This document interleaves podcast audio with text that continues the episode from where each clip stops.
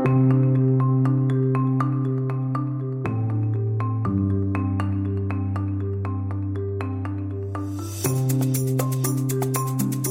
en welkom bij Buiten de Krijtlijnen. Mijn naam is Rinke van Hoek en dit is uw podcast over onderwijs.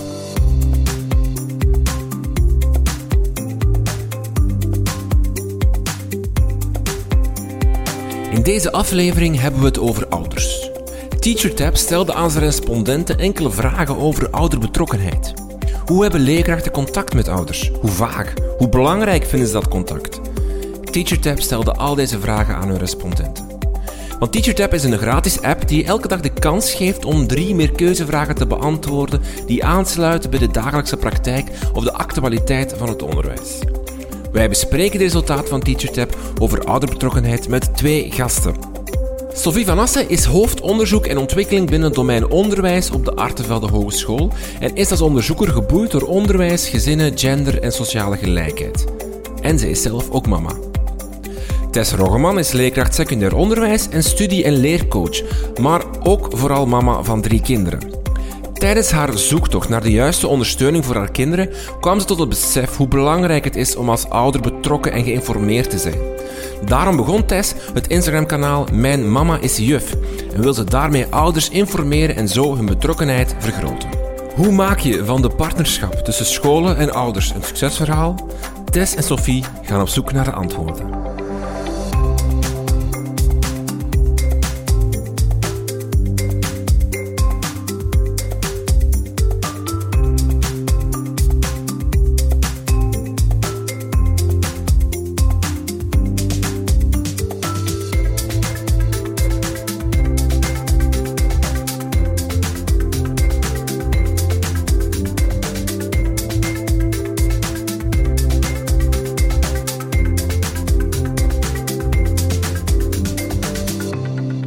Dag Tess, dag Sophie, welkom in de podcast. Uh, we gaan het hebben over ouderbetrokkenheid. Uh, een beetje schoolouders, die partnerschap, hoe moeten we dat uh, bekijken? We hebben daar vragen gesteld aan TeacherTap, aan de respondent van TeacherTap.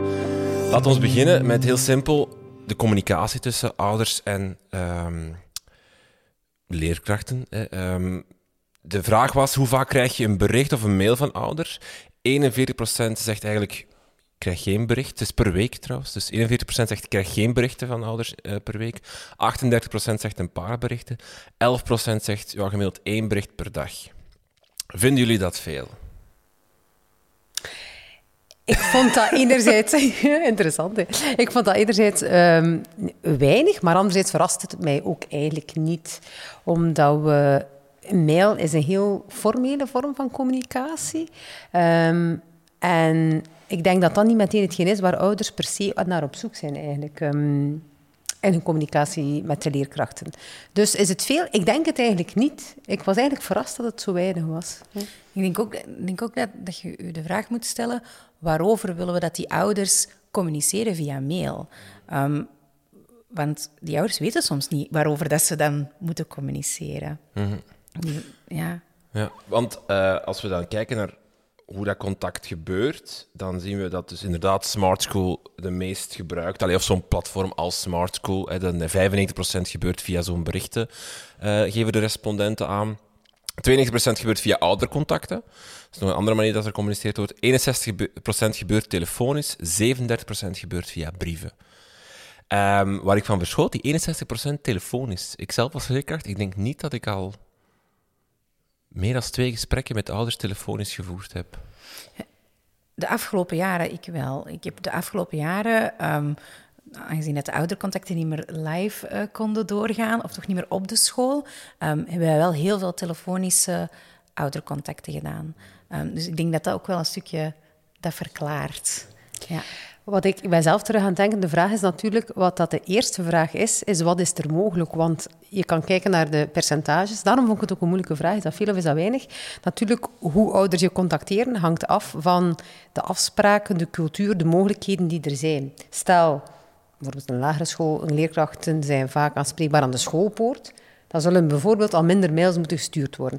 Zijn mails toekoor beschikbaar? Ook dat is niet een evidentie. Smart School is er ook zeker al niet op iedere school. Zeker in lagere school zijn er soms niet van die systemen. Dus er zijn zeer, veel voorwaarden die bepalen hoe je eigenlijk al kan in interactie gaan. Misschien is dat nog een interessantere vraag. Die is er ook. Die is er ook, voilà.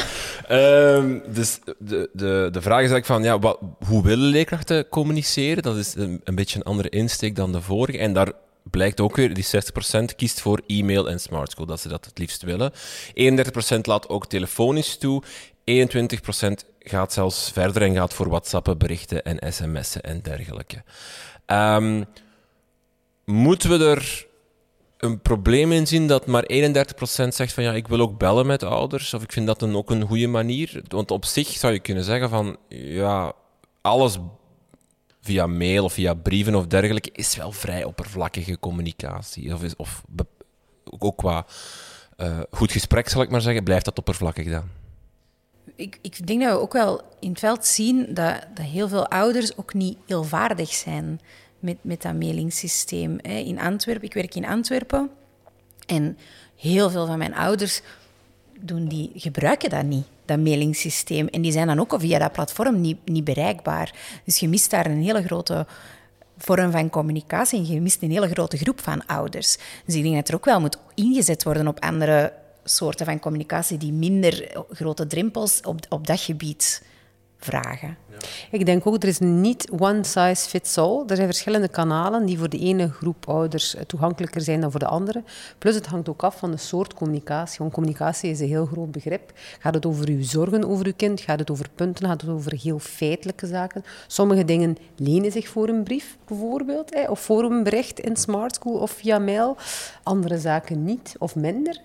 Dus de wat of de hoe van de communicatie. Eh, de, de inhoud van de communicatie is ook bepalend voor de vorm die eigenlijk, denk ik, uh, meest geschikt is. Vanuit de beide perspectieven. Ja, ik wou zeggen, en ook wat je er inderdaad van verwacht. Want als je verwacht dat dat een interactie kan zijn met een, of moet zijn met een ouder, als het bijvoorbeeld over zorg gaat, dan zo'n interactie via mail loopt dan veel stroever. En ik denk dat dat, dat dat inderdaad ook iets is waar je heel erg naar moet kijken. Wat voor soort communicatie bent je aan het voeren en wat is de verwachting van die communicatie? Wat moet daaruit komen?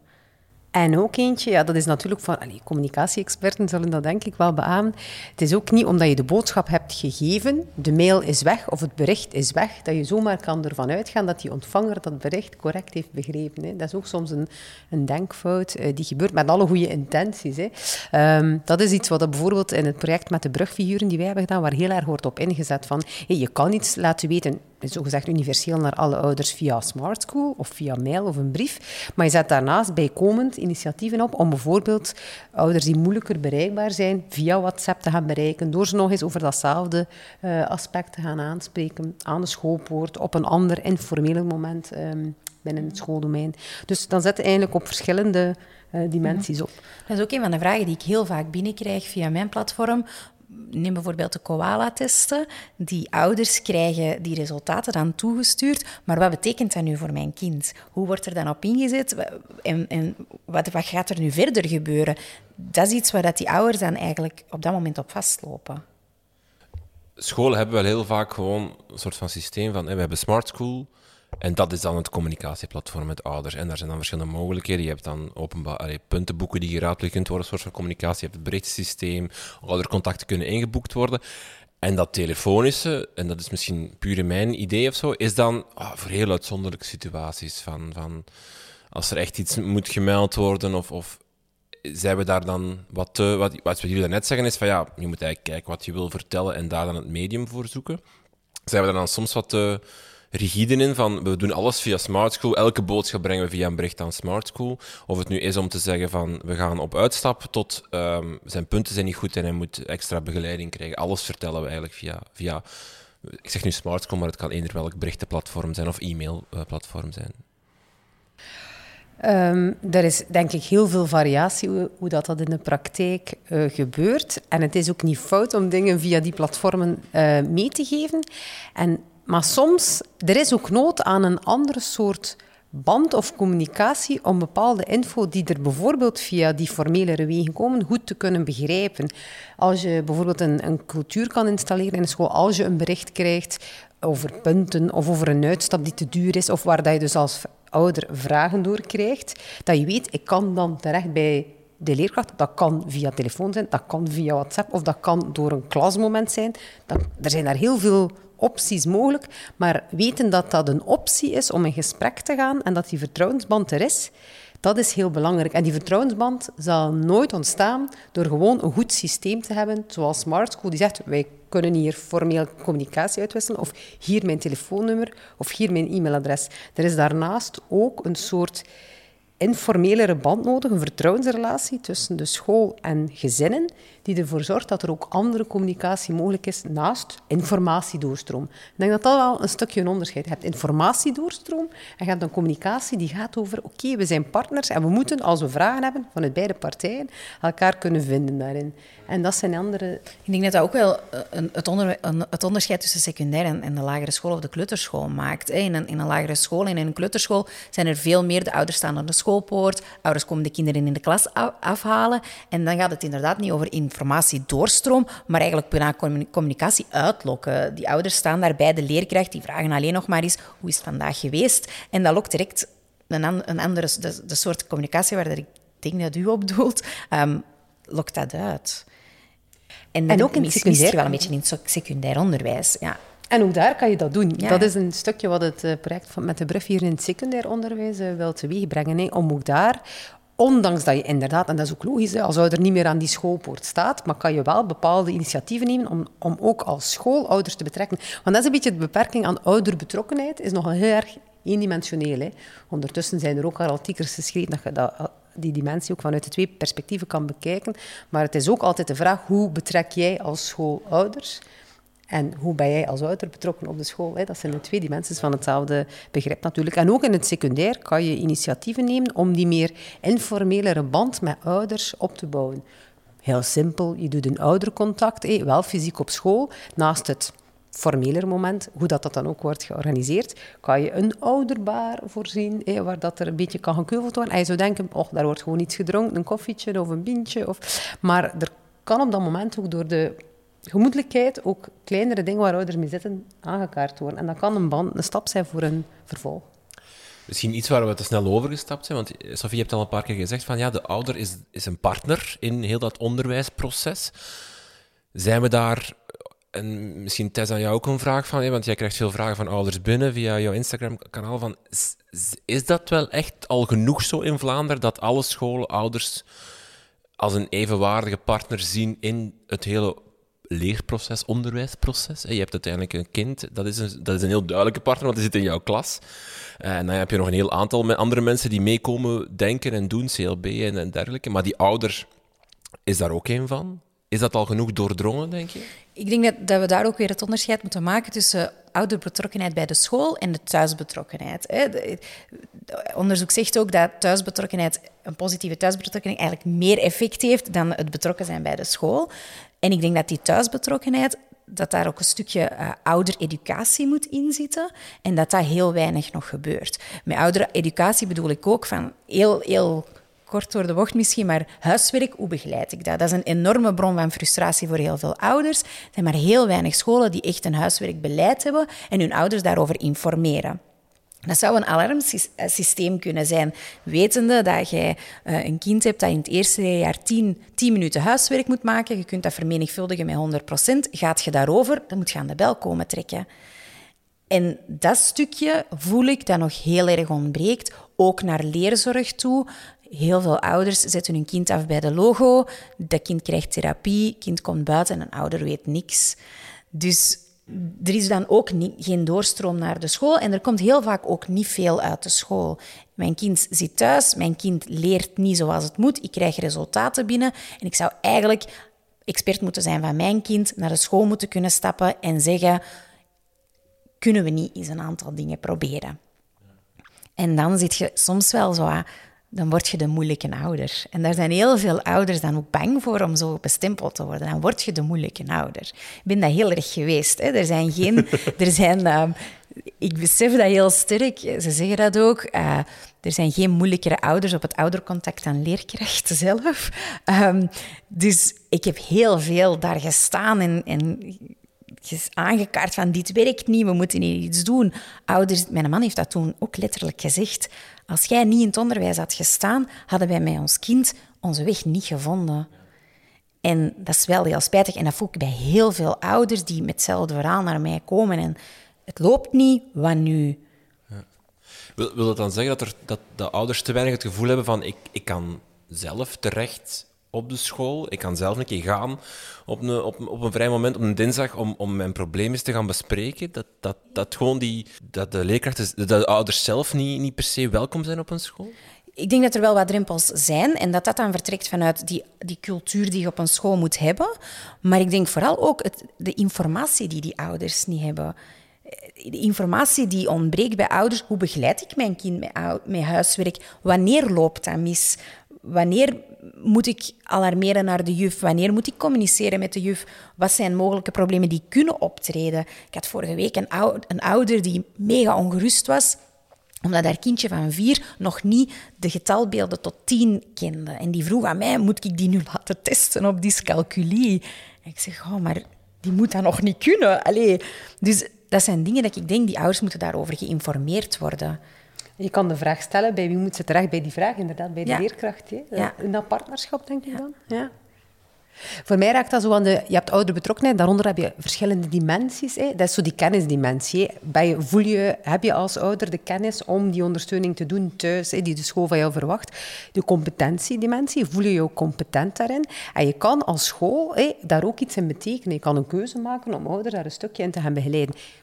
Ik wil hier niet pleiten dat dat se de taak van leerkrachten. Hè. Dat is een taak van een team, van een school. Je hebt leerlingbegeleiders, zorgcoördinatoren, brugfiguren eventueel soms, of nog andere.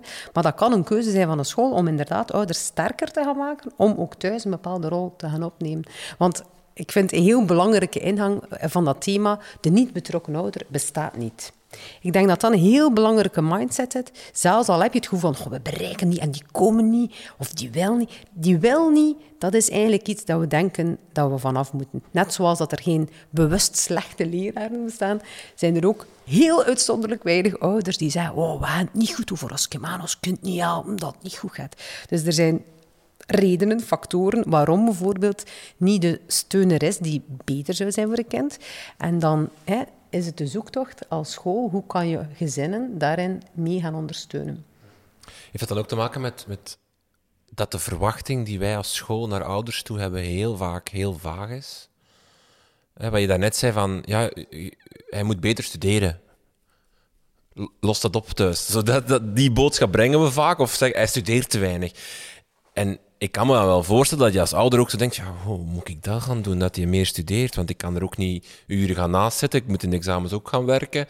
Dat je, of of dat, dat we, hij moet getest worden en dat we dan ook vaak stoppen of zo. Dat, dat we, dat we eigenlijk te, weinig concreet zeggen van, ja, kijk, je kan hem helpen door dit en dit en dit te doen, je, je kind bijvoorbeeld. Dat is de kennis. Dat is één ding. Je kan kennis meegeven, hè? dan kan je die ouder daar eens sterker maken. Misschien speelt er nog iets anders. Misschien is die ouder zelf heel slechte ervaringen met school en denkt hij, en is dat het aspect waarop dat moet gewerkt worden. Misschien heeft die ouder geen tijd. Hè? Dat is je gedragsdimensie of je rationele dimensie. Uh, dus er zijn heel veel redenen waarom dat, dat niet kan lukken. En kennis is dus zeker één belangrijke. Maar we mogen zeker ook niet denken dat dat de enige is. Er zijn soms andere redenen ook waarom de ouders er niet toe komen om een bepaalde ondersteuning die verwacht wordt van de school uh, te bieden. Er zijn ook andere... Maar ik denk wel dat, dat, dat je een punt hebt als je zegt er is eigenlijk geen beleid rond in scholen. Er is eigenlijk geen beleid rond wat wat verwacht scholen denken daar niet altijd over na. Wat verwachten wij nu eigenlijk van ouders? Hoe, hoe willen wij dat die betrokken zijn? Welke informatie willen wij dat van ouders komen? En die verwachting, aangezien dat scholen daar niet altijd over nadenken, wordt die ook niet gecommuniceerd naar ouders. Want bijvoorbeeld over oudercontacten, we zijn altijd zeer verbouwereerd als, als ouders niet komen ben even aan het denken, maar ik, ik, weet niet of het er ergens een zinnetje staat in een of andere communicatie die we ooit naar ouders sturen, van we verwachten dat je naar het oudercontact komt. Impliciet zit dat er wel in, maar ik kan me voorstellen dat, dat, dat ouders die impliciete boodschap misschien soms niet vatten of een andere cultuur hebben waar dat helemaal niet in zit. Of het belang daarvan beseffen dan. Want het is dan Ja. één ding om te zeggen... Dat is opnieuw die verwachting naar die ouders scheppen. Het is, op, het is één ding om te zeggen, wij willen dat je, die, dat je hier bent. Het is verplicht om twee van de vier mee te doen. Maar waarom? En waarom is dat belangrijk? En wat hopen wij met u te bereiken tijdens die oudercontacten? Ik denk dat je dan al een heel groot deel van die ouders wel over de brug zou kunnen trekken om er dan wel te zijn. En dan kan je heel goed gaan nadenken aan school over hoe maak je oudercontacten toegankelijk. Ja. En dat is, dat, zijn ook, dat is inderdaad die why, waarom is dat belangrijk, maar ook de tijd. Is het, je hebt scholen die nog heel klassiek werken, het is dat moment en als je dan niet komt, jammer. Eh, je hebt ook scholen die zeggen, oké, als we er niet kunnen, dan gaan we echt op zoek naar een ander moment. Dus ook daar zijn er heel veel verschillende pistes mogelijk. Ik denk wel dat variatie troef is in Vlaanderen. Op basis van wat we hebben gezien, dat er heel veel... En overal, ja, iedereen doet zijn best, hè. maar ehm, er is nog een groot verschil in de ja, in, het, eh, in de cultuur die er is om ouders ehm, te betrekken. Ja. Moeten we dan duidelijker zijn in de...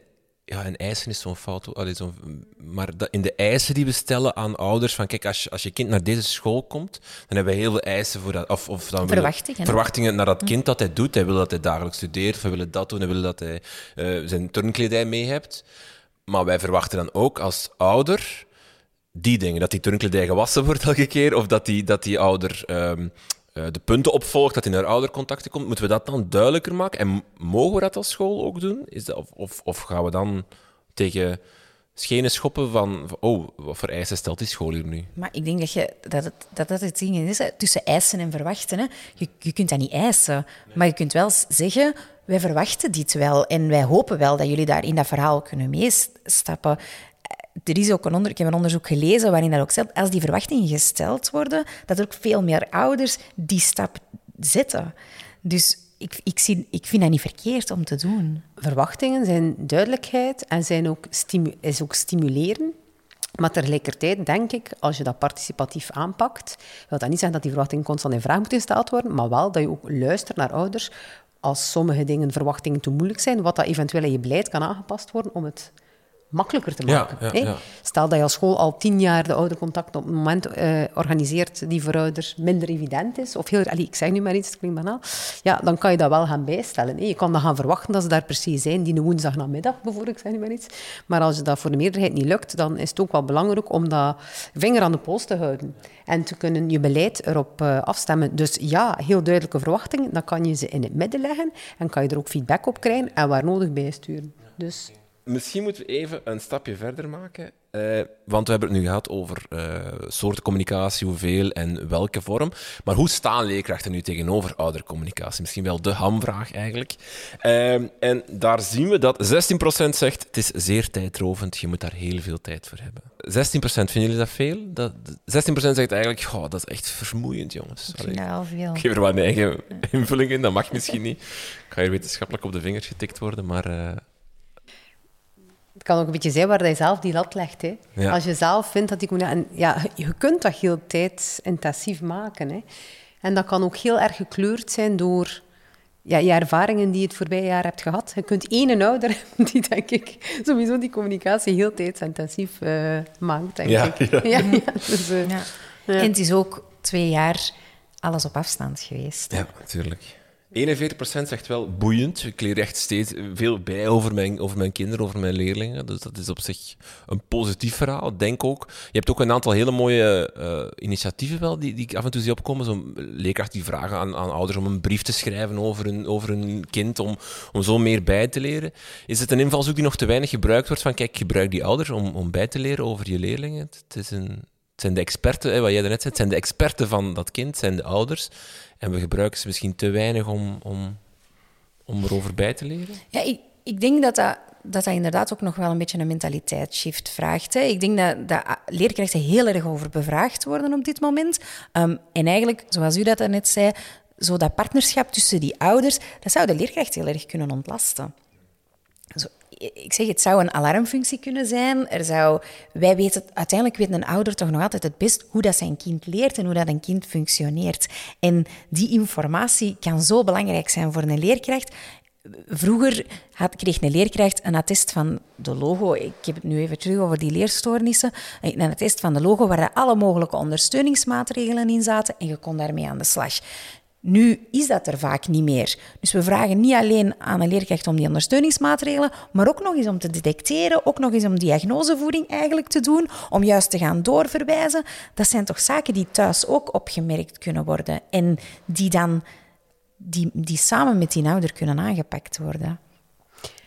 Wat ik zelf, het leidt dat wel een beetje naar oudercontact natuurlijk, maar de vraag is ook bijvoorbeeld, ik herinner me, dat is even in de rol van ouder, een oudercontact en ik kwam toe en ik kreeg zo, foep, het rapport voorgelegd, alles gaat goed. En ik heb dat gewoon zo heel expliciet aan de kant gelegd. Oké, maar op basis van die punten moest ik dan weten dat dat goed ging. Ik wou gewoon, hoe gaat het met mijn kind? En ik vond dat zo jammer dat hij niet begon met aan mij te vragen, hoe gaat het volgens jou met je kind op school? Um, en dat is ook een hele andere ingang van het gesprek. Want als leerkracht heb je al die punten ergens. Je als leraar ook al professional. Heb je, allez, ik heb als ouder vertrouwen ik weet daar niks van eigenlijk. Ik weet nu dat ik moet wiskunde of Nederlands woorden. Dus ik heb daar dan alle vertrouwen in. Maar ergens geloof ik wel in het feit dat zo'n contact met, met, met ouders door de school een soort dialoog moet zijn. En ik denk dat er daar wel nog veel kansen zijn om die momenten die je dan toch hebt, die formelere, om daar de opening te maken, om dingen te weten te komen. Want daar gaat het over, de antwoord. Eigenlijk zegt ook 60% niet per se veel meerwaarde te zijn. Klopt het wat ik zeg? 6% zegt ik, uh, dat, dat, uh, dat ze een goede verstandhouding hebben met de ouders. Ja, maar het is 40% zei...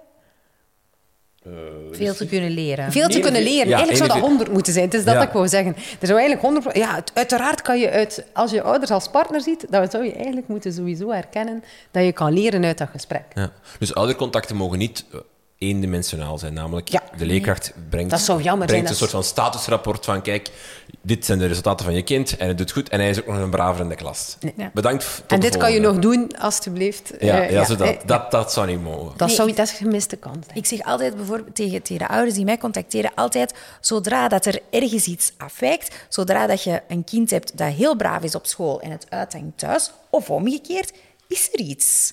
Dus die informatie moet dan wel gaan. Als dan de informatie tijdens zo'n oudercontact heel eenzijdig is. Ik ben ooit op, met, mijn, met mijn middelste dochter op school gekomen um, en die zeiden: Als wij nu de award zouden kunnen geven aan het braafste kindje van de school, dan zou dat naar uw dochter gaan. En ik dacht. Ik heb vorige week een kinderpsycholoog gebeld, want die kan daar niks mee. Ik dacht, gaat dat hier over mijn dochter? Maar dan is er iets. Dus die, daarom dat dat zo belangrijk is, dat dat inderdaad, zoals jij zegt, niet eendimensionaal is, maar dat dat, dat, dat, een gesprek is en dat, dat die informatie langs beide kanten kan komen. En een heel belangrijke erbij is wel, denk ik, dat de leerkracht op dat moment de professional is. Wat je kan zeggen in wederkerigheid, leerkracht is op dat moment zit in de professionele. Als ouder ben je ouder. Hè. En ouder zijn, dat is emotioneel. Hè. Je bent betrokken, je bent loyaal. Dus je kunt heel veel kennis delen die voor een leerkracht interessant kan zijn. Maar tegelijkertijd is het soms moeilijk om daar volledig rationeel in te blijven. Dat is ook, denk ik, een belangrijk perspectief als leerkracht om voor ogen te hebben. Het is soms moeilijk als ouder om iets te horen over uw kind die minder positief is. Of over. Dus ook die insteek, denk ik, is wel belangrijk als je daarover nadenkt. 34% vindt dat ouders te veel eisend zijn. Zijn jullie te veel eisend? Ik wel. ik geef dat toe. Ik, ik, wel. Ik ben heel veel eisend. Het gaat over mijn kind. Voilà. Ik wil dat mijn kind goed onderwijs krijgt en dat daar goed voor gezorgd wordt, want die is meer op school dan dat hij bij mij is. Mijn leerkrachten zien die in de lagere school toch, die zien die vaker dan dat ik die zie. Die hebben een belangrijke opvoedingsrol en die onderwijzen mijn kind. Dus dat is superbelangrijk. Wat niet wil zeggen dat ik geen begrip heb voor het feit dat die leerkracht daar veel leerlingen voor zich heeft en uh, die waarschijnlijk allemaal wel iets van leerzorg of ondersteuning of, of allez, gedifferentieerd onderwijs moeten krijgen en dat de leerkracht niet alles kan opgemerkt hebben. Maar ik als ouder, er is maar één iemand die in de hoek staat van mijn kind en ik, voor mijn kind ben ik heel veel eisend.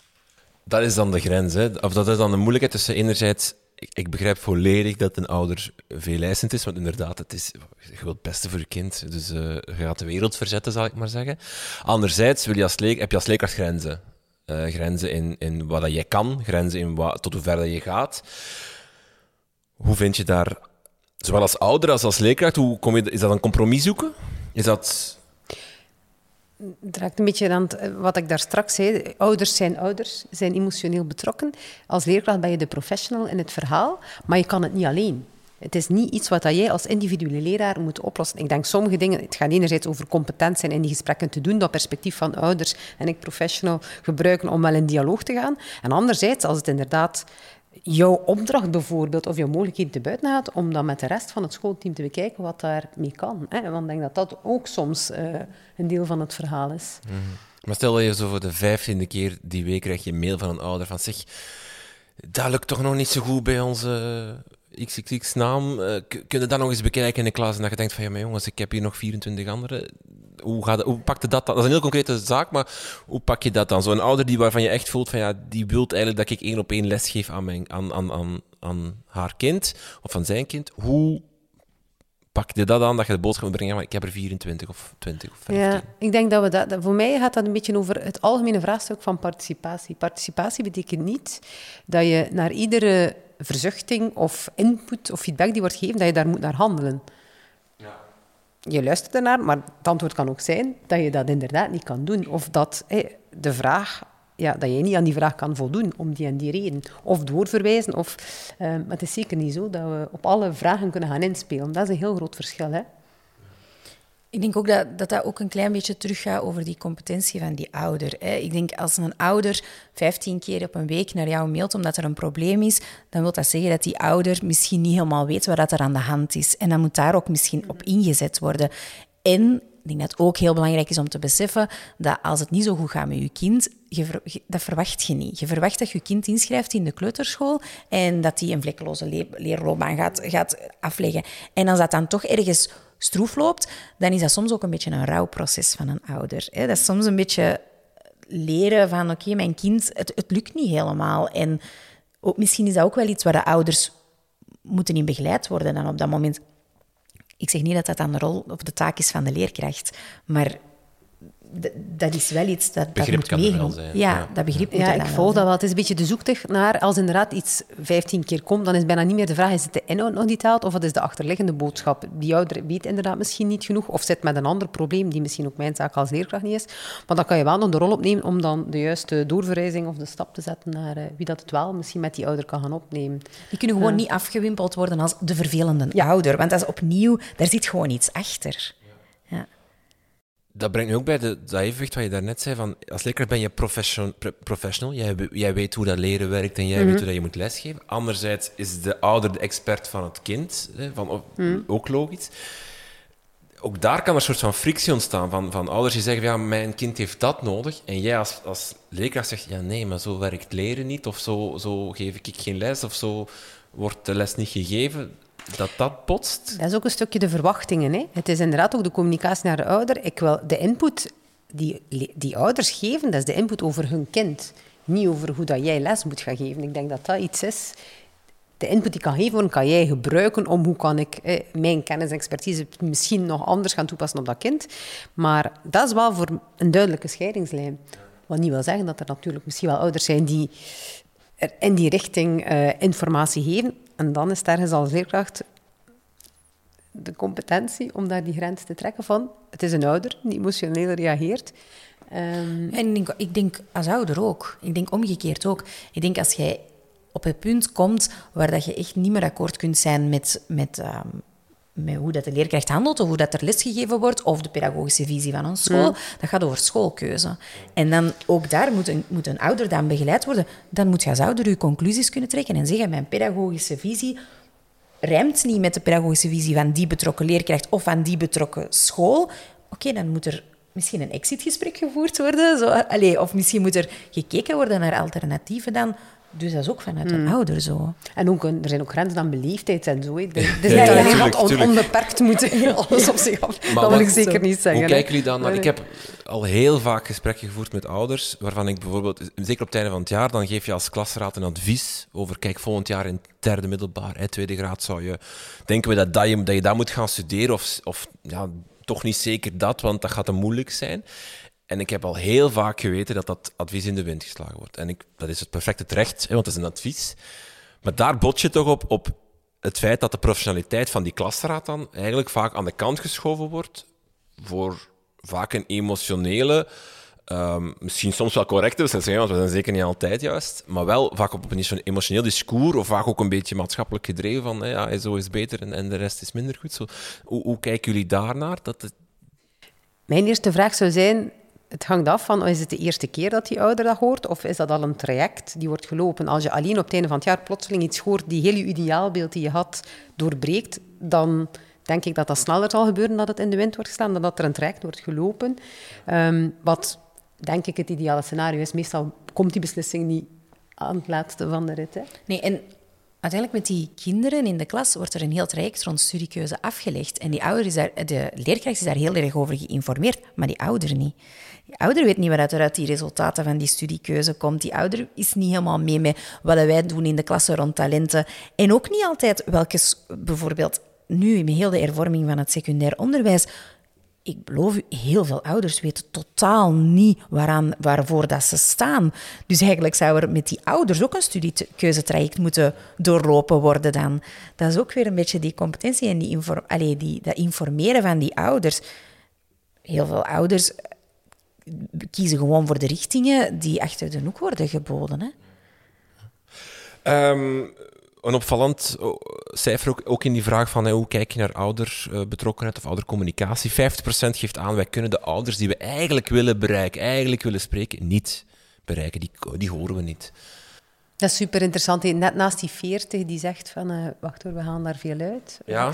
Heb je dat inderdaad. Um, en ja, ik denk dat dat dan, het project van de brugvier, daar gaat daarover. He. Dat is ook zo. He. Dat is dan, ik denk dat we allemaal daar wel een beeld van kunnen krijgen. Dat zijn dan de ouders Elke leerkracht heeft in zijn klas zo één leerling waar het minder goed mee gaat en denkt van, die ouder die zou graag spreken om talercontact om, om, om daar iets mee te doen. En die komt dan net niet op dagen. Zo dat, dat fenomeen. Ja. En daar bestaan natuurlijk wel heel veel uh, methodieken voor om als school bijvoorbeeld meer outreachend te gaan werken. Um, om, om, ouders te bereiken, om te gaan denken vanuit wat zijn mogelijke drempels die ze gaan ervaren, in te zetten op informele ontmoetingsmomenten om ouders over de brug te gaan, in te zetten op anderstalige communicatie. Dat zijn ook keuzes die gemaakt worden soms ook uh, ideologische discussies natuurlijk. Doen we dat? Willen we dat doen? Hè? Maar um, we zien wel in, in scholen waar bijvoorbeeld die keuzes worden gemaakt om bijvoorbeeld ook in andere talen te gaan communiceren, ja, dat een bepaalde barrière, een taalbarrière, wordt overbrugd die, um, ja, die een drempel verlaagt. Dat is nu eentje, maar er zijn ook... Maar het is wel de school die dan... Je detecteert bijvoorbeeld, oké, die ouder kunnen we niet bereiken, moeilijk. Dan is het... Vind, vinden jullie wel de school die dan de effort moet doen of de... Of, of en dat proberen om die communicatie toch tot stand te brengen. Dat is voor Je zou kunnen zeggen, ja, die ouder die wil dat niet. We hebben gebeld, we hebben brieven meegestuurd, we hebben gemaild. Kijk, het was duidelijk dat het via die communicatie... Hier stopt het dan. Je zou dat kunnen zeggen. ja, je zou dat kunnen zeggen, maar dan laat je wel wat kansen liggen. Dat gaat, wat? Dan laat je wel wat kansen liggen. Ja. Dus je zou dat inderdaad zo kunnen stellen, maar dan laat je kansen liggen. Ik denk dat er trouwens ook wel wat kansen zijn um, door meer te gaan samenwerken met de, met de gemeenschap van, uh, rondom de school. Er zijn heel veel organisaties. Um, in Antwerpen bijvoorbeeld, die uh, ouders, culturele centra, ik, ik, zeg het niet helemaal juist, zijn het culturele centra of zijn het...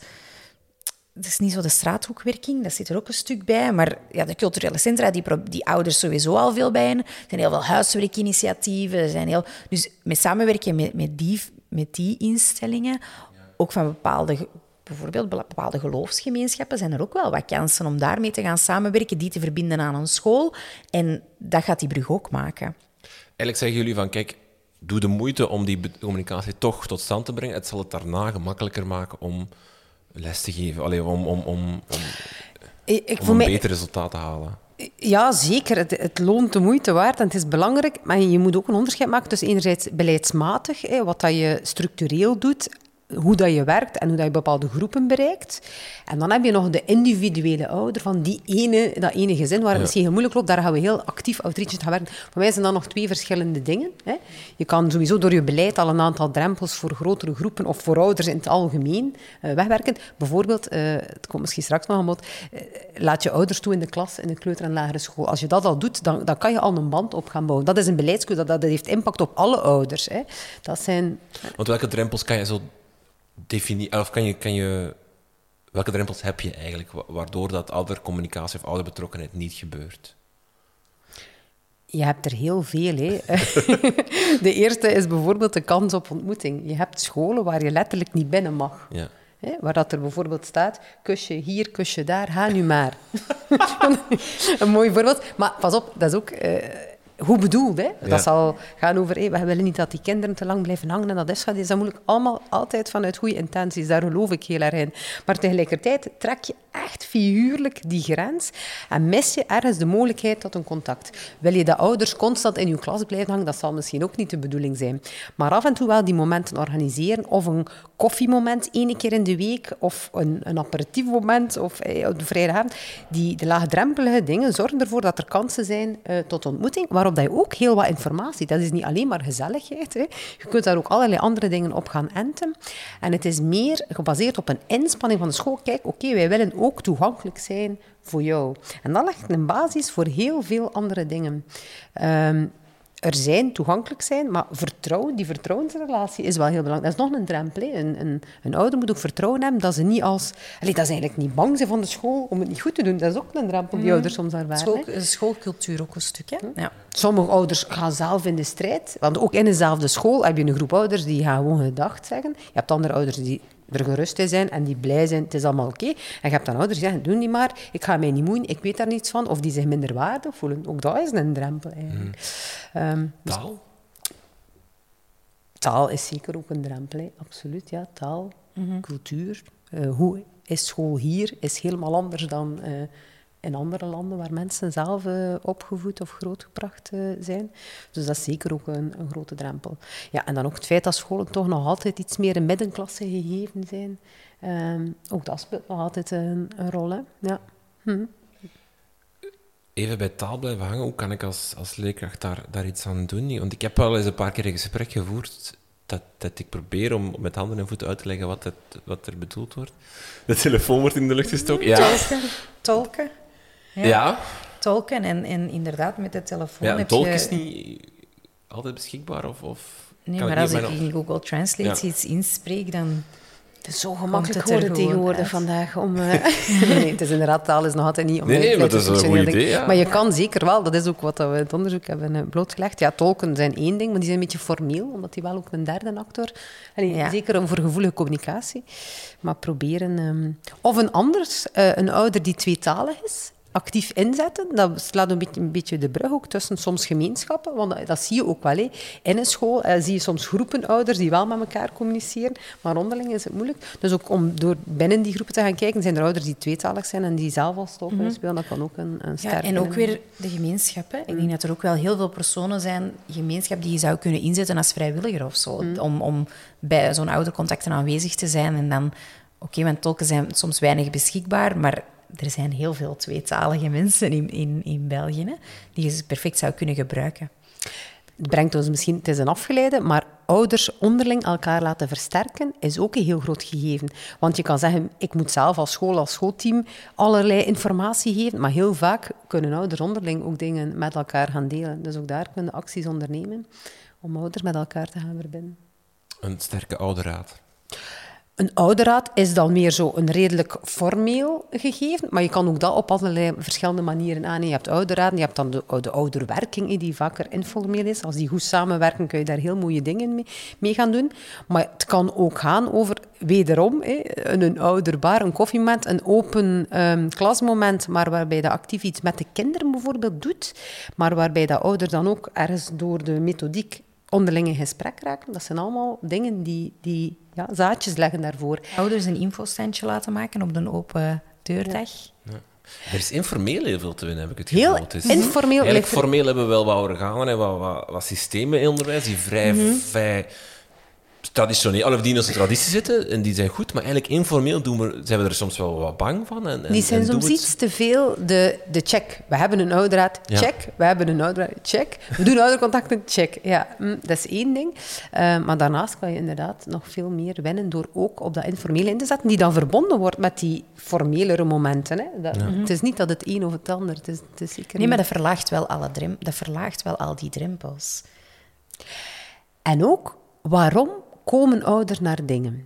Wederom, ouders zijn ouders, ze willen niets weten over een kind. Dus als je vraagt, je moet komen voor een oudercontact, is veel um, hoogdrempeliger dan zeggen, kom naar een klas om iets te zien wat uw kind heeft gedaan. Kom kijken naar uw kind is een veel uitnodigende vraag. Ehm, in secundair, denk ik, gebeurt dat heel weinig nog. Dat gebeurt, maar dat gebeurt heel weinig. Kleuter en gebeurt dat iets meer. Maar ook dat kan je dan weer gaan verbinden. Dan heb je die ouders kan op datzelfde moment een stuk oudercontact doen. Maar bon, je kan ze dan ook misschien informeren over, ah, we hebben ook oudercontacten, enzovoort.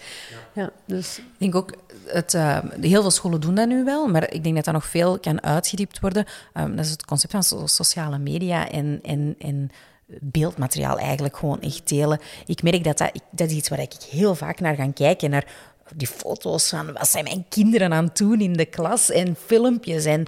Um, en daar is sociale media, denk ik, wel ook een, uh, een heel belangrijke informatiebron die scholen nog niet altijd optimaal gebruiken, denk ik. En je kan als ouder ook dan in gesprek gaan met je kind. Eerder dan de typische vraag, hoe was het vandaag op school? Goed. Ja. Dan kan je zeggen, dat ik heb gezien dat je dat gedaan hebt. Ja, en dan kan je in gesprek gaan. Ah, je hebt dit gedaan en dat is een heel ander verhaal. Ja. En dan ga je het inderdaad gaan faciliteren dat ouders en hun kinderen thuis in gesprek gaan over iets op school. Ja. Ouders in de klas, je hebt het daarnet al even aangehaald. Het is iets... Secundair gebeurt het niet, zullen we maar zeggen. Uh, Ofwel? Ik, of... Nee, nee, secundair heel weinig, denk ik. Lagere school, kleuterschool. Ik denk dat dat afbouwt. Hè? Kleuterschool Is het iets wat je zou, dat, je, dat, dat, je zou moeten proberen om te faciliteren als leerkracht? Dat dat uiteindelijk op bepaalde momenten wel gebeurt, dat, dat de ouder in de klas komt? Ik denk dat er heel veel in zit. Dat is de samenleving in uw klas brengen, om te beginnen, nog los van of het feit dat het ouders zijn of niet. Maar doordat het ouders zijn, is nog een dubbele win. Kinderen zijn trots. En iedereen heeft wel een talent. Al is het van koken tot... Mijn vader is uh, uh, piloot ik zeg nu maar iets.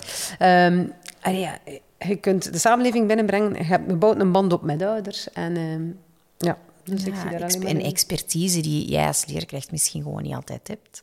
dat, ik, geef, ik geef het vak PAV, het is heel maatschappelijk vormend, maar ja, ik ben ook wel van ene cultuur en ik ben ook wel beperkt in mijn kennis daarin. Dus het, het is niet zo dat je, dat je, ouders gewoon in de klas wilt om het, om het een keer te zien, de klas, zal ik maar zeggen. Nee, je wilt echt dat ze een soort van rol gaan spelen in, in, in het hele leerproces, in het hele onderwijsproces. Hm. Ik ging net zeggen, het kan ook helemaal anders zijn. Het kan ook zijn, je nodigt ouders uit om mee te gaan naar een museumbezoek of om mee in de klas te komen helpen, toekoer. Of om als leesouder, eigenlijk bestond dat toen ik kind was, leesouders. Ja, dat was, en dat is dan zo precies zo'n beetje stilgevallen. Maar eigenlijk is dat een super simpel concept, waar je ook naar anderstaligheid en zo van alles mee kan doen. De school van mijn kinderen hebben ze dat nu terug leven ingeblazen. Dat is heel kleine, simpele dingen waar je eigenlijk meteen een hulp bent voor de leerkracht in de klas en waar dat ook weer aan die relatie bouwt. Ik denk dat er in heel veel scholen ook zo een beetje het schrik-effect is. Ze, ze proberen iets uit, er komen maar één of twee ouders op, opduiken en dan, ja, oké, het heeft niet gewerkt. En we stoppen ermee. Ik denk dat dat inderdaad een, cultuurverandering vraagt heel veel tijd. Dus als er dat eerste jaar twee of drie ouders zijn, dan zullen het er jaar daarna misschien vijf zijn. En zo gaat het stilletjes bouwen aan die cultuur. Maar heel veel van die initiatieven stoppen dan, omdat dat vanaf de eerste keer niet meteen superveel succes heeft of zo. Het kan ook wel een soort van... Dat is misschien... Maar, maar je hebt als school vaak, vaak logistieke problemen of logistieke issues rond mensen uh, vinden voor uitstappen, zoals je net al zei, mm. maar sportdagen en dergelijke. Ja. Vindt maar altijd mensen genoeg om dat allemaal te mm. Kunnen, dan zou je ouders daar ook een rol in kunnen laten spelen. Van stuur die mail, zet die vraag uit en, en wie weet... Speelplaatstoezichten. Ja, of opvang, buitenschoolse opvang in de lagere school dan. En ook dat zou kunnen een stukje een deel van de verwachting zijn. Hè. Kijk, aan het begin van het jaar, je begint hier als ouder in school. En uiteraard, iedereen doet andere dingen, werk of geen werk of hobby.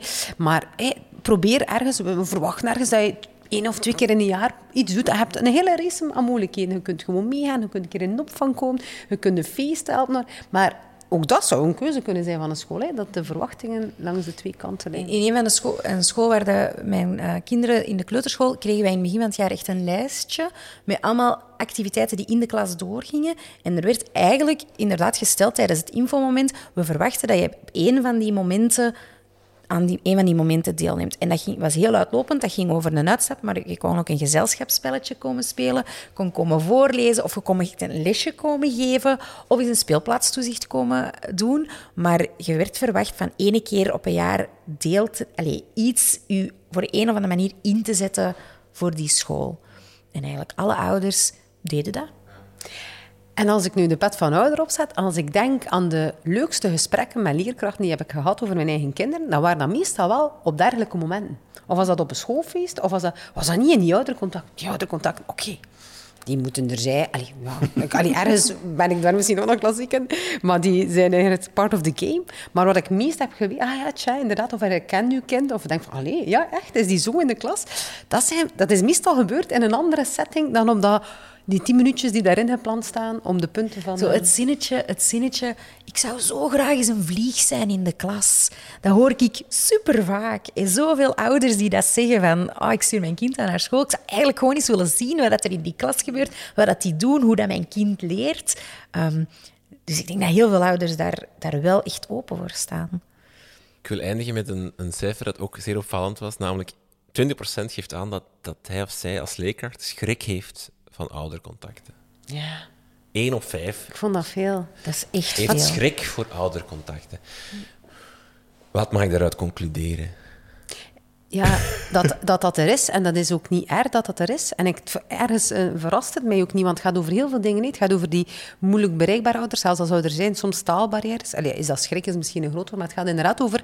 Zal dat gesprek doen waar, wat ik wil dat het doet? Daar hebben we daar een goed gevoel bij hebben. Het is ook vanuit die drive om het goed te doen. Ehm wetende dat ouders soms veel eisend zijn. Ik denk dat we hier heel veel dingen gezegd hebben, Ja. die, die schrik, of dat, die schrik voor het niet goed te doen, daar gaat het waarschijnlijk over. Hè? Ik denk ook dat dat het een klein beetje weer afhangt van ehm, ehm, waarover dat die schrik dan direct gaat. Want ik, ik merk wel dat er zo de afgelopen... Ik geef 13 jaar les en in die 13 jaar heb ik zo wel een evolutie gezien. Je hebt, zoals u zegt, wel een type ouder dat de school binnenwalst en iedereen daar platwalst. Hè? Beroep aantekent en... en ehm, en dat is wel zo een, een trend geweest, denk ik, ook de afgelopen jaren. Ook met de coronajaren. Eh, de attestering verliep ook heel moeizaam. Ehm, misschien, ik weet het niet, maar misschien kan dat daar ook wel een stuk van komen. Ja, je, hebt- je kan wel zo'n schrik hebben. Of, of de moeilijkste gesprekken waar ik ook, ook niet, niet is, als je professionaliteit niet erkend wordt. Hè, wat we daarnet al, als, als ouders dat niet doen, en dan is het heel moeilijk om dan wel hen te gaan zien als expert, want dan krijg je een beetje zelf het verweer, of, of ga je zelf ook in het defensief, en dan is het heel moeilijk om een gesprek te hebben. Dat zijn wel de gesprekken waar ik dan schrik van heb. Als ze zeggen van, jij kunt je job niet, je doet het fout voor mijn Vonden voor jullie in de lerarenopleiding dat jullie daar genoeg voor opgeleid zijn? Ah, wel, dat was niet mijn volgende vraag. Nee, maar dat komt, dat komt misschien bij, bij het volgende. Die schrik komt misschien wel uit een soort van gebrek aan competentie. Dat je voelt van als leerkracht van, ik weet, ik zit hier ook maar wat te zeggen en ik weet eigenlijk niet goed hoe dat ik dit gesprek moet voeren. En hoe vertel je nu best? Ja, Dat- en misschien ook een stukje uw ego daarin opzij durven zetten als leerkracht. En die openheid durven aangaan. En misschien gewoon ook beseffen dat, ook al bent je de professional en ook al bent je de expert, dat je niet alle wijsheid in pacht hebt. En dat er gewoon wel interessante informatie kan komen. En dan als wel de professionaliteit bewaken en door die emotionaliteit van die ouders blijven kijken. Ehm, ik, ja, in de leraaropleiding, het is, een, het is een, op zich een vraag inderdaad die bij mij ook op het blad stond. Ik, ik weet het niet of dat het heel veel... Ik heb ook veel gebrost in mijn leraaropleiding, dus ik, het is moeilijk om te zeggen. Die vraag krijg ik soms van... ook. dat is niet goed, hè? Daar ligt Nee, het probleem. ja. dus. Misschien moeten we dat niet te laat vertellen.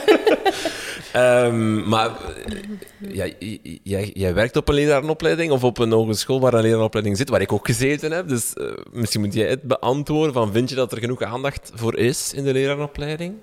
Er is in de opleiding kleuter- en laagonderwijs zeker voldoende aan. Ik kan me niet uitspreken over wiskunde, dus ik ga dat zeker niet doen. Eh, maar het zou er zeker een plek moeten in krijgen. En ik denk ook wel dat de collega's van de opleiding daar ook achter staan. Ja. Ehm, ja. Dat is natuurlijk een van de vele dingen die in die lerarenopleiding moeten gebeuren. En, en, en, allee, ik denk, elk gesprek dat we hier voeren met buitenlijke rijdlijnen, zouden we kunnen eindigen met ah, in de lerarenopleiding moet daar meer aandacht voor zijn. Dat is, Dat op is een goede vraag voor Teacher Tab. Die gaan we erin stoppen. Maar als, je, als, je, als je inderdaad het gesprek hier voert eh, en hoort van hoe, hoeveel winst je er eigenlijk uit kan halen door met die ouders een goede, goede communicatie, een goede band te hebben, eh, hoe makkelijker het je job kan maken. Want dat vind ik wel misschien een eye-opener die, die, die ik misschien nog te weinig had van... Ik had, ik had misschien heel hard ook een een- eendimensioneel beeld van ik moet met goede band met mijn ouders, omdat die ouders verdienen dat, die hebben daar recht om te weten. Maar eigenlijk, voor mezelf, had ik, zag ik niet, niet zo vaak de meerwaarde, maar dat is misschien wel het ding dat je moet meepakken van gebruik ook als leerkracht die band om dat kind beter te begrijpen, om dat kind beter te kunnen helpen, om dat in je klas beter in lijn te kunnen houden, dat het, dat een braver kind wordt of zo. Dat, dat, je dat, dat daar ouders wel ook voor kunnen helpen, voor jou als leerkracht. Ja. ja, die informatie is super belangrijk. Denk ik. ik denk dat exact wat jij zegt, dat dat juist is. Als jij een kind hebt dat niet in de klas doet wat dat hem moet doen en thuis wel, Ja. dan moet je daar iets mee. Hè? Oké, dan gaan we hier afronden. Eh Tess, Sophie, heel veel dank voor dit gesprek. Heel graag gedaan. Ja, graag gedaan.